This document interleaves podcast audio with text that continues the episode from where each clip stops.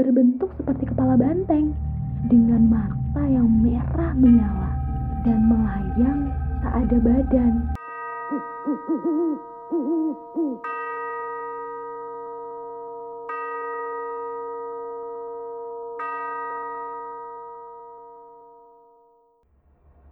Perkenalkan, namaku Sari. Kali ini aku mau berbagi cerita pengalaman di kampung halaman Bapak di daerah Cilacap. Jadi, langsung saja.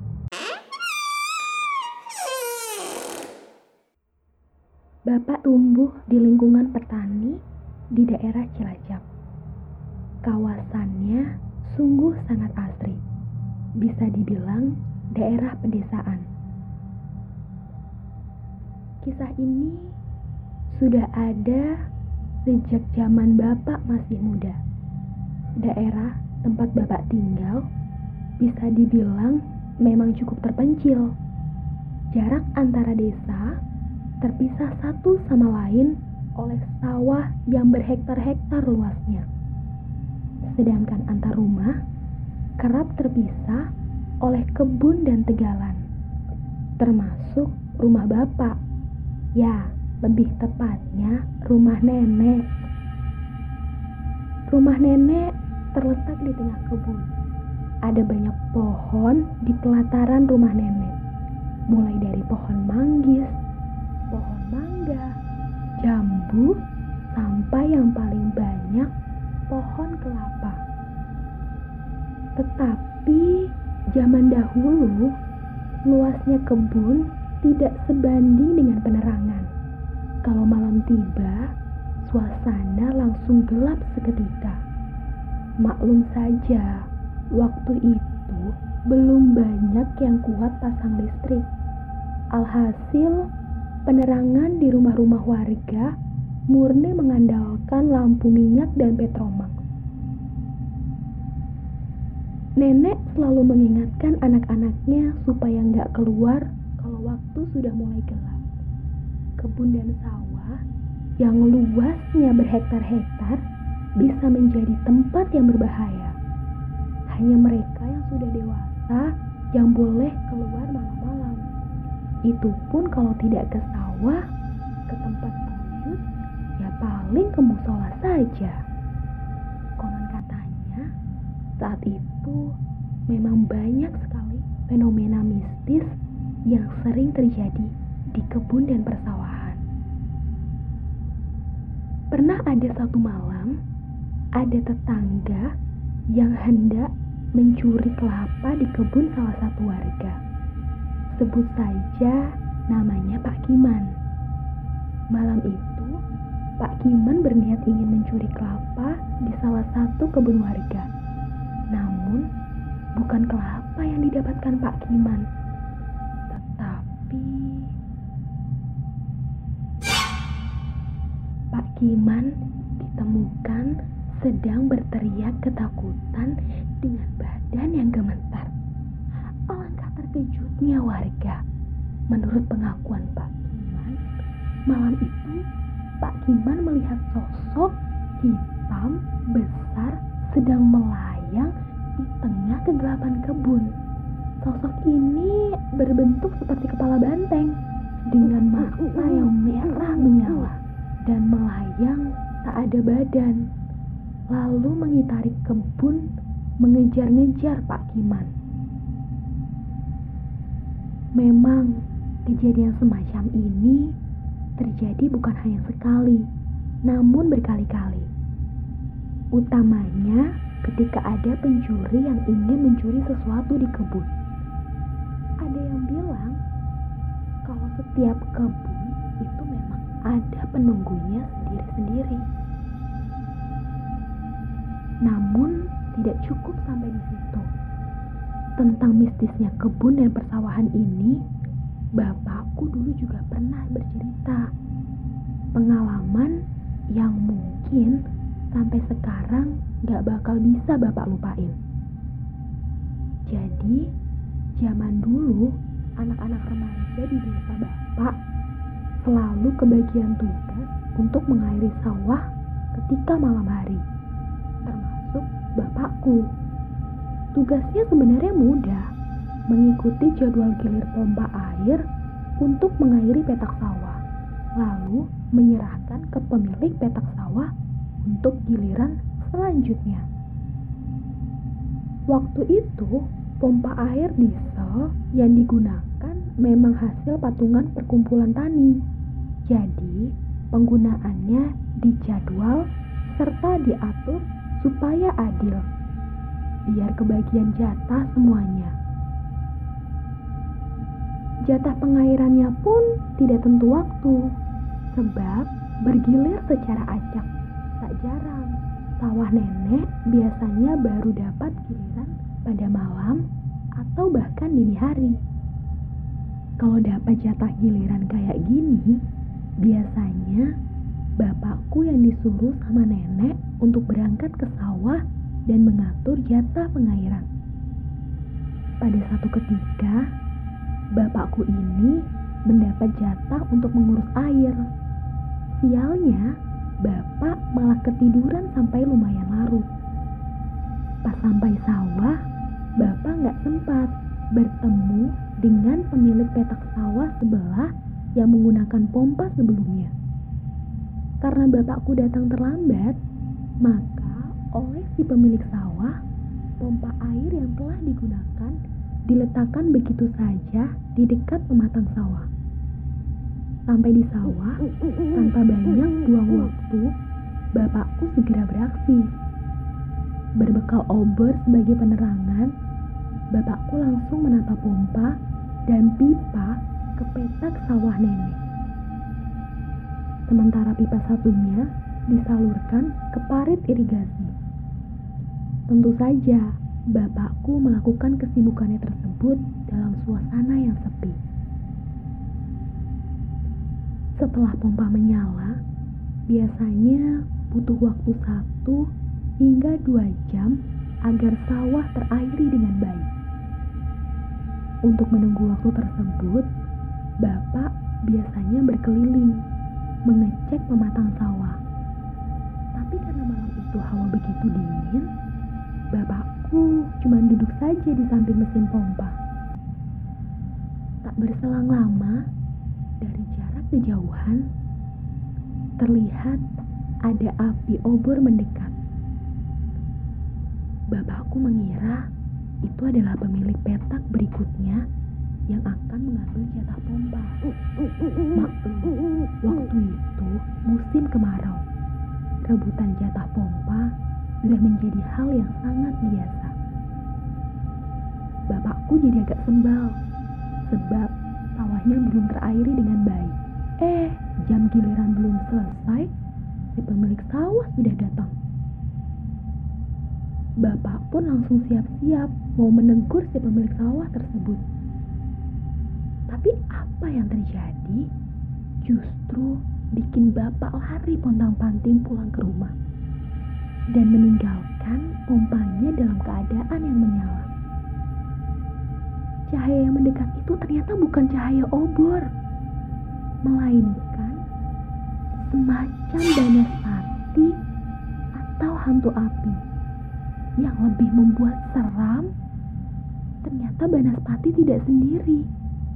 Di sebelah Banaspati ada pocong yang ikut melompat-lompat dan mendekat berbarengan.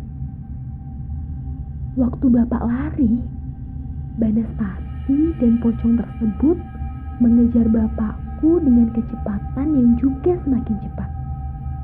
Bapak sudah gak peduli lagi dengan permukaan sawah atau pematang yang mungkin licin dan penuh dengan bekas babatan tanaman yang berpotensi membuat kaki bapak luka. Yang bapak Bapak harus segera sampai di rumah.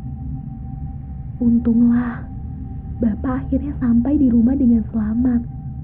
Walau tentu saja dengan dada dan napas yang bergejolak. Setelah kejadian itu, Bapak nggak pernah mau lagi jaga pompa di waktu malam hari. Belakangan ini baru diketahui kalau ternyata hampir semua warga yang pernah berjaga pada waktu malam hari pernah diganggu dengan penampakan yang sama. Ya, mereka sering menyebutnya Banas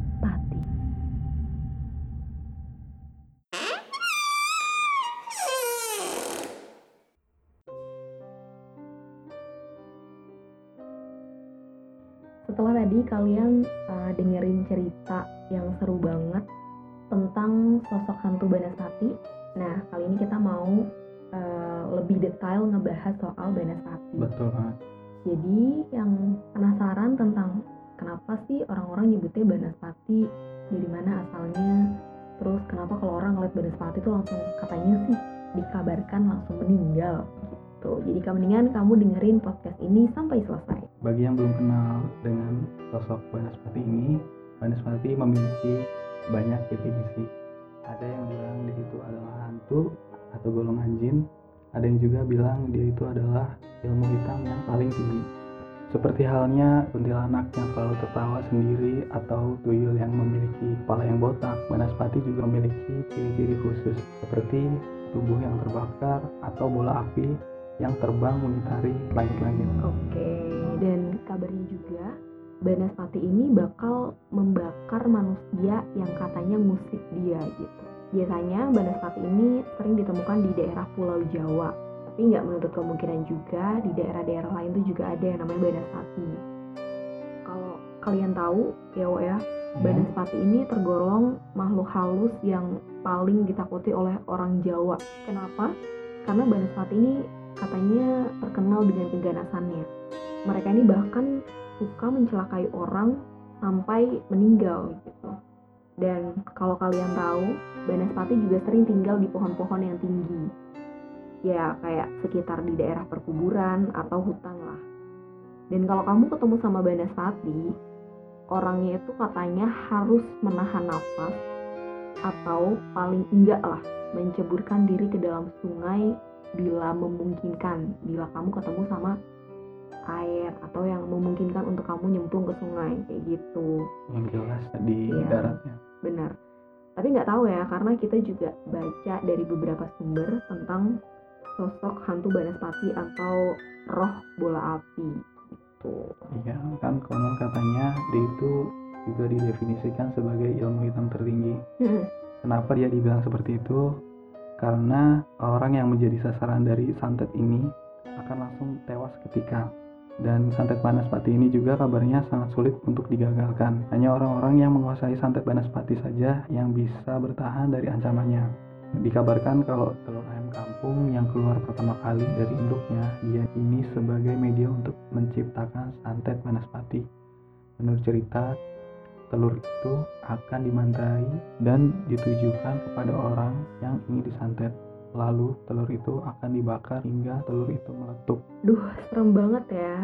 Nah setelah tadi kalian dengar penjelasan soal sosok Banaspati emang semenyeramkan itu kabarnya. Iya, tapi ya balik lagi teman-teman. Itu balik lagi ke masalah polemik. Jadi sebenarnya Banaspati ini masih rancu. Termasuk dalam golongan apa? Atau ada yang bilang dia itu kayak sosok kunang-kunang pembawa jiwa penasaran Oh. kan kalau kita tahu kunang-kunang itu kan dari tapi sepupunya orang mati ya Mhm. bener nggak sepupunya orang mati tapi nggak tahu ya kabar itu masih kayak kabar angin jadi masih Mitos-mitos, mitos, nah. benar mitos yang beredar di masyarakat dan perlu pembuktian dengan lebih lanjut lah Iya. dan Banaspati itu kayak gimana ya aku dan Dewo nggak tahu dan nggak mau tahu sebenarnya tapi kita seru aja gitu bahasnya karena Iya, sempat ada obrolan aku sama Dewo kayak hmm, sekarang tuh masih banyak orang-orang yang percaya dengan pesugihan ya kan Wo? betul. kayak misalnya kita makan bakso nih ada kan yang pernah Ada bilang penglaris. bener ada penglarisnya terus ada yang di pernah aku tinggal di daerah Jawa kan terus ada bakso yang itu tuh enak banget gitu dan orang-orang sekitar situ tuh bilangnya adalah bakso pocong. Kenapa dibilang bakso pocong? Coba. Karena dulu ada pernah orang yang beli di dalam apa sih di tungku yang Di buat dalam masak. bumbunya. Mm, dalam tungku buat masak baksonya itu katanya ada tali pocongnya. Gitu. serem banget sih. Tapi percaya nggak percaya gitu kan kembali lagi. Ternyata sampai sekarang itu dari zaman aku kecil waktu TK eh waktu SD sorry sorry. TK aku mana tahu ya. Ih, waktu aku ingat. SD waktu aku SD dan sampai sekarang sampai aku udah segede gini udah Hmm. kuliah udah mau lulus kuliah nih kan itu si apa si bakso itu sampai sekarang juga tempatnya masih di situ dan nggak berubah dan nggak berubah sama sekali dan makin ramai masih justru. masih rame sampai masih ramai sampai sekarang. Jadi nggak tahu ya bener nggak? Mungkin beda generasi kan? Maksudnya dulu kan orang tuanya tuh mungkin sekarang di dikasih ke anaknya kan kita nggak tahu gitu Iya. kan. Cuma sekarang juga tetap tetap sama aja gitu tempatnya. Jadi kita buka cabang baru? Enggak juga sih itu tetap sama aja sih Hmm. tempatnya di situ sih. Jadi ya gimana ya emang dari dulu sebenarnya nggak sih pesugihan buat memperkaya orang terus juga santet yang tadi kayak kamu bilang tuh itu kan kayak udah sering banget kita dengar banyak banget hal-hal yang kayak berbau mistis gitu kan. Ya karena sekali lagi kayak aku tuh mikirnya pribadi lebih ke kalau misalnya kamu me- apa sih menyembah menyembah nggak menyembah ya kayak ngasih hmm, memberi ngasih apa sih kalau kalau misalnya? persembahan. Persembahan ya kayak misalnya kembang-kembang terus juga pohon yang biasa aja dikasih kembang dikasih telur rebus telur rebus. itu malah jadi semakin memicu nggak sih ya nggak sih makin apa ya namanya makin mengundang kalau itu Mm-mm. tempat buat tempat yang mistis dan justru lebih makhluk-makhluk halus atau lelembut tuh jadi lebih suka gitu dengan Hmm. hal-hal kayak gitu. Malah jadi kayak eh, aku dikasih makan gitu mikirnya. Jadi kayak mm, kalau gua kalau gitu gua ya, tinggal di nanti. sini kayaknya dikasih dikasih makan mulu gitu. Kan lebih yang kayak gitu nggak sih? Jadi sebenarnya kayak tempat-tempat mistis atau hal-hal kayak gitu tuh dari zaman dulu sampai sekarang pun masih tetap berkembang. Lestari lestari. Masih semakin ya salam lestari nih pokoknya. Tetap lestari lah ya apalagi orang zaman dulu kan belum paham banget soal cara membalas dendam. Yang baik makanya pakainya Banaspati atau santet-santet yang semacam itu. Dan bahkan sampai sekarang pun masih banyak. Masih masih. Banyak santet-santet kayak gitu ya. nggak sih soalnya juga kalau misalnya kita lihat fenomena persantetan duniawi. Santetan. Ya pokoknya intinya gitu deh teman-teman. Eh, jangan berkecil hati apa pun yang dikatakan orang jangan sampai kita jangan dendaman lah. Jangan dendaman benar jangan dendaman. Apa pun yang dikatakan orang tuh buatlah eh, itu sebagai suatu hal yang bikin kamu naik lebih tinggi gitu. Benar nggak? Bener banget jangan malah jadikan kamu orang-orang yang aduh minder. Abis itu aduh gue bete, bete banget sama orang itu. Kayaknya santet ada jalan satu ya gitu kan. Terus kamu bermain dengan banaspati nyari telur ayam yang baru pertama kali. Keluar dari Keluar. induknya lalu dimantrai. Dimantrai. Tapi ya eh, balik lagi ya ke banaspati ya. Nggak ada yang tahu juga gitu sebenarnya. Banaspati ini awal mulainya terus kenapa dia jadi hantu api tuh nggak ada yang tahu gitu sampai sekarang? Ya nggak sih iya kayak kuntilanak yang memiliki apa ya sejarah. Misalnya kehilangan anaknya lalu dia meninggal. Ya gitu balik lagi. Jadi kalau misalnya uh, Banaspati ini kayak sosok atau sebutan lah bagi hantu yang memiliki wujud seperti api atau lebih kerennya itu adalah berelemen utama api. Kayak avatar kan tapi juga ada yang bilang kalau misalnya Banaspati ini kalau misalnya ngebunuh mangsanya ya, itu adalah dengan cara melemparkan bola api atau eh, semakin dekat ke mangsanya apinya tuh semakin besar gitu. tapi gue juga pernah baca Mm. eh, kalau si Banaspati ini juga membunuh mangsanya atau targetnya dia itu juga menghisap darah kayak vampir gitu jadi dia sedot semua darah dalam tubuh si mangsanya Jadi kayak kehabisan darah di Iya, situ dan mati di tempat dan mati di tempat. Serem banget ya. Dan tadi kan juga eh, Dewa udah sempat bahas soal santet-santet Banaspati itu kan. Hmm. Itu tuh katanya aku dengernya tuh namanya tuh ada namanya sendiri gitu. oh ada nama ada namanya lagi sendiri namanya tuh santet Raja Banaspati karena emang dari da- zaman dulu sampai sekarang itu tuh eh, sebagai alat pembunuh yang mematikan di Banaspati itu si Banaspati itu jadi siapa konon kabarnya siapa yang dikirim santet ini tuh bakal tewas seketika gitu. Pokoknya melenyapkan nyawanya tuh Oh, mengamankan nyawanya lebih instan lah ya. Lebih instan gitu tanpa mengotori tangan kan kalau Mm. pakai tangan kan orang-orang dibunuh gitu ya. Tapi ya nggak tahu Allah walam itu semoga udah nggak ada lagi lah hal-hal semacam itu. Mungkin kalau kita lihat sekarang Banaspati lebih ini doang kali ya lebih penampakannya cuman sosok-sosok kayak bola api yang Bola. muncul entah dari mana entah Mm-mm. hilang entah ke mana. Aduh serem banget. Tapi ngomongin soal santet ada cara buat nangkis santet Banaspati Oh. gitu. Jadi ada yang bikinnya ada penangkalnya juga. Sama kayak sakit kalau misalnya kalau sakit kan ada obatnya juga. Iya. katanya ini juga ada penangkalnya gitu. Ada yang beranggapan kalau santet Banaspati ini yang nyala-nyala kayak api ini bisa ditangkal pakai air itu kata orang langsung disiram kata orang tapi aku nggak tahu ya Hmm. maksudnya tapi katanya tuh nggak eh, ternyata air itu nggak mempan gitu loh oh Jadi, akhirnya tidak aman air itu nggak mempan buat nangkal santet Banaspati.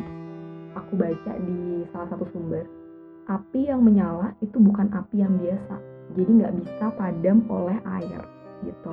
Jadi benda yang diyakini bisa menangkal santet si Banaspati ini adalah kapur sirih. Tahu kan kapur sirih? kabur sirih Jadi ini lebih ke kapur sirih sendiri oh yang dibuat dengan merendam air kapur sirih itu. Atau kalau misalnya kalian nggak tahu kapur sirih, gamping deh. ya batu Iya, gamping batu gamping. Nah, direndam di air minimal satu minggu. Nah, Hmm. air yang air dari rendaman kapur sirih dan gamping itu itu disiramkan di, ke sosok Banaspati ini. Setelah itu Banaspatinya bakal hilang. Bakal hilang dengan sendirinya gitu. Mungkin kalau kita ngomongin soal Banaspati di zaman-zaman sekarang walaupun masih eksis, kita tahu banyak penampakan bola api terus video astagfirullahaladzim astagfirullahaladzim gitu kan banyak ya? Iya banyak banget banyak sekarang maksudnya video-video. di Instagram gitu kan. Tapi semakin ke sini malah semakin nggak hampir nggak kedengar lagi ya nggak sih? Iya paling cerita-cerita. Ya cerita-cerita penampakan-penampakan yang inilah yang yang biasa Mm-mm, masih sering-sering sama. Pocica kayak gitu gitulah ya. Ya tapi nggak menutup kemungkinan juga. Kalau misalnya sampai sekarang pun masih ada orang yang tertarik untuk mendalami ilmu si santet Banaspati ini gitu. Soalnya dulu si ilmu santet Banaspati ini tuh menggemparkan masyarakat gitu loh. Karena menjatuhkan banyak korban gitu. Mungkin di lingkungan sekitar kamu masih ada rumor tentang perdukunan. keberadaan santet dengan Banaspati atau ada dukun yang men- memberikan jasa menyantet dengan jasa. Banaspati aduh ya nggak tahu juga ya maksudnya. Nggak tahu juga. Yang pasti hantu ini adalah hantu yang legend di Indonesia termasuk salah satu hantu yang legend di Indonesia dan juga masih simpang siur gitu. Jadi nggak tahu bentuknya kayak gimana. Definisi, definisinya apa? Mm-mm. hantukah ilmu santet kah? Atau semacam Semacam. jin? Nah itu kita nggak tahu ya balik lagi. Jadi kalian bisa mendeskripsikannya sendiri setelah tadi kalian dengar cerita tentang hantu Banaspati dari kita berdua. Betul. Jadi cukup sampai di sini edisi podcast kita kali ini. Nanti kita bakal bahas soal hantu-hantu yang lebih seru lagi, lebih serem lagi, betul banget. Cerita yang lebih asik lagi. betul banget Jangan lupa request cerita yang mau kita angkat uh, Hmm, untuk setiap malam edisi Jumat benar untuk edisi podcast selanjutnya bisa di Instagram kita udah kita kasih di description box dan juga di Twitter kita di description box Iya. juga. So, thank you buat yang udah dengerin dari awal sampai akhir. Tetap setia di jam makan malam. Buat kamu yang belum makan malam, jangan lupa makan jangan lupa makan malam dulu. Karena tadi udah dikasih suplemen makan malam yang Iya, enak dari kita. Nah, jangan lupa makan malam yang bergizi Betul. juga. Selamat menunaikan ibadah puasa. Stay at home dan see you. Wassalamualaikum warahmatullahi wabarakatuh.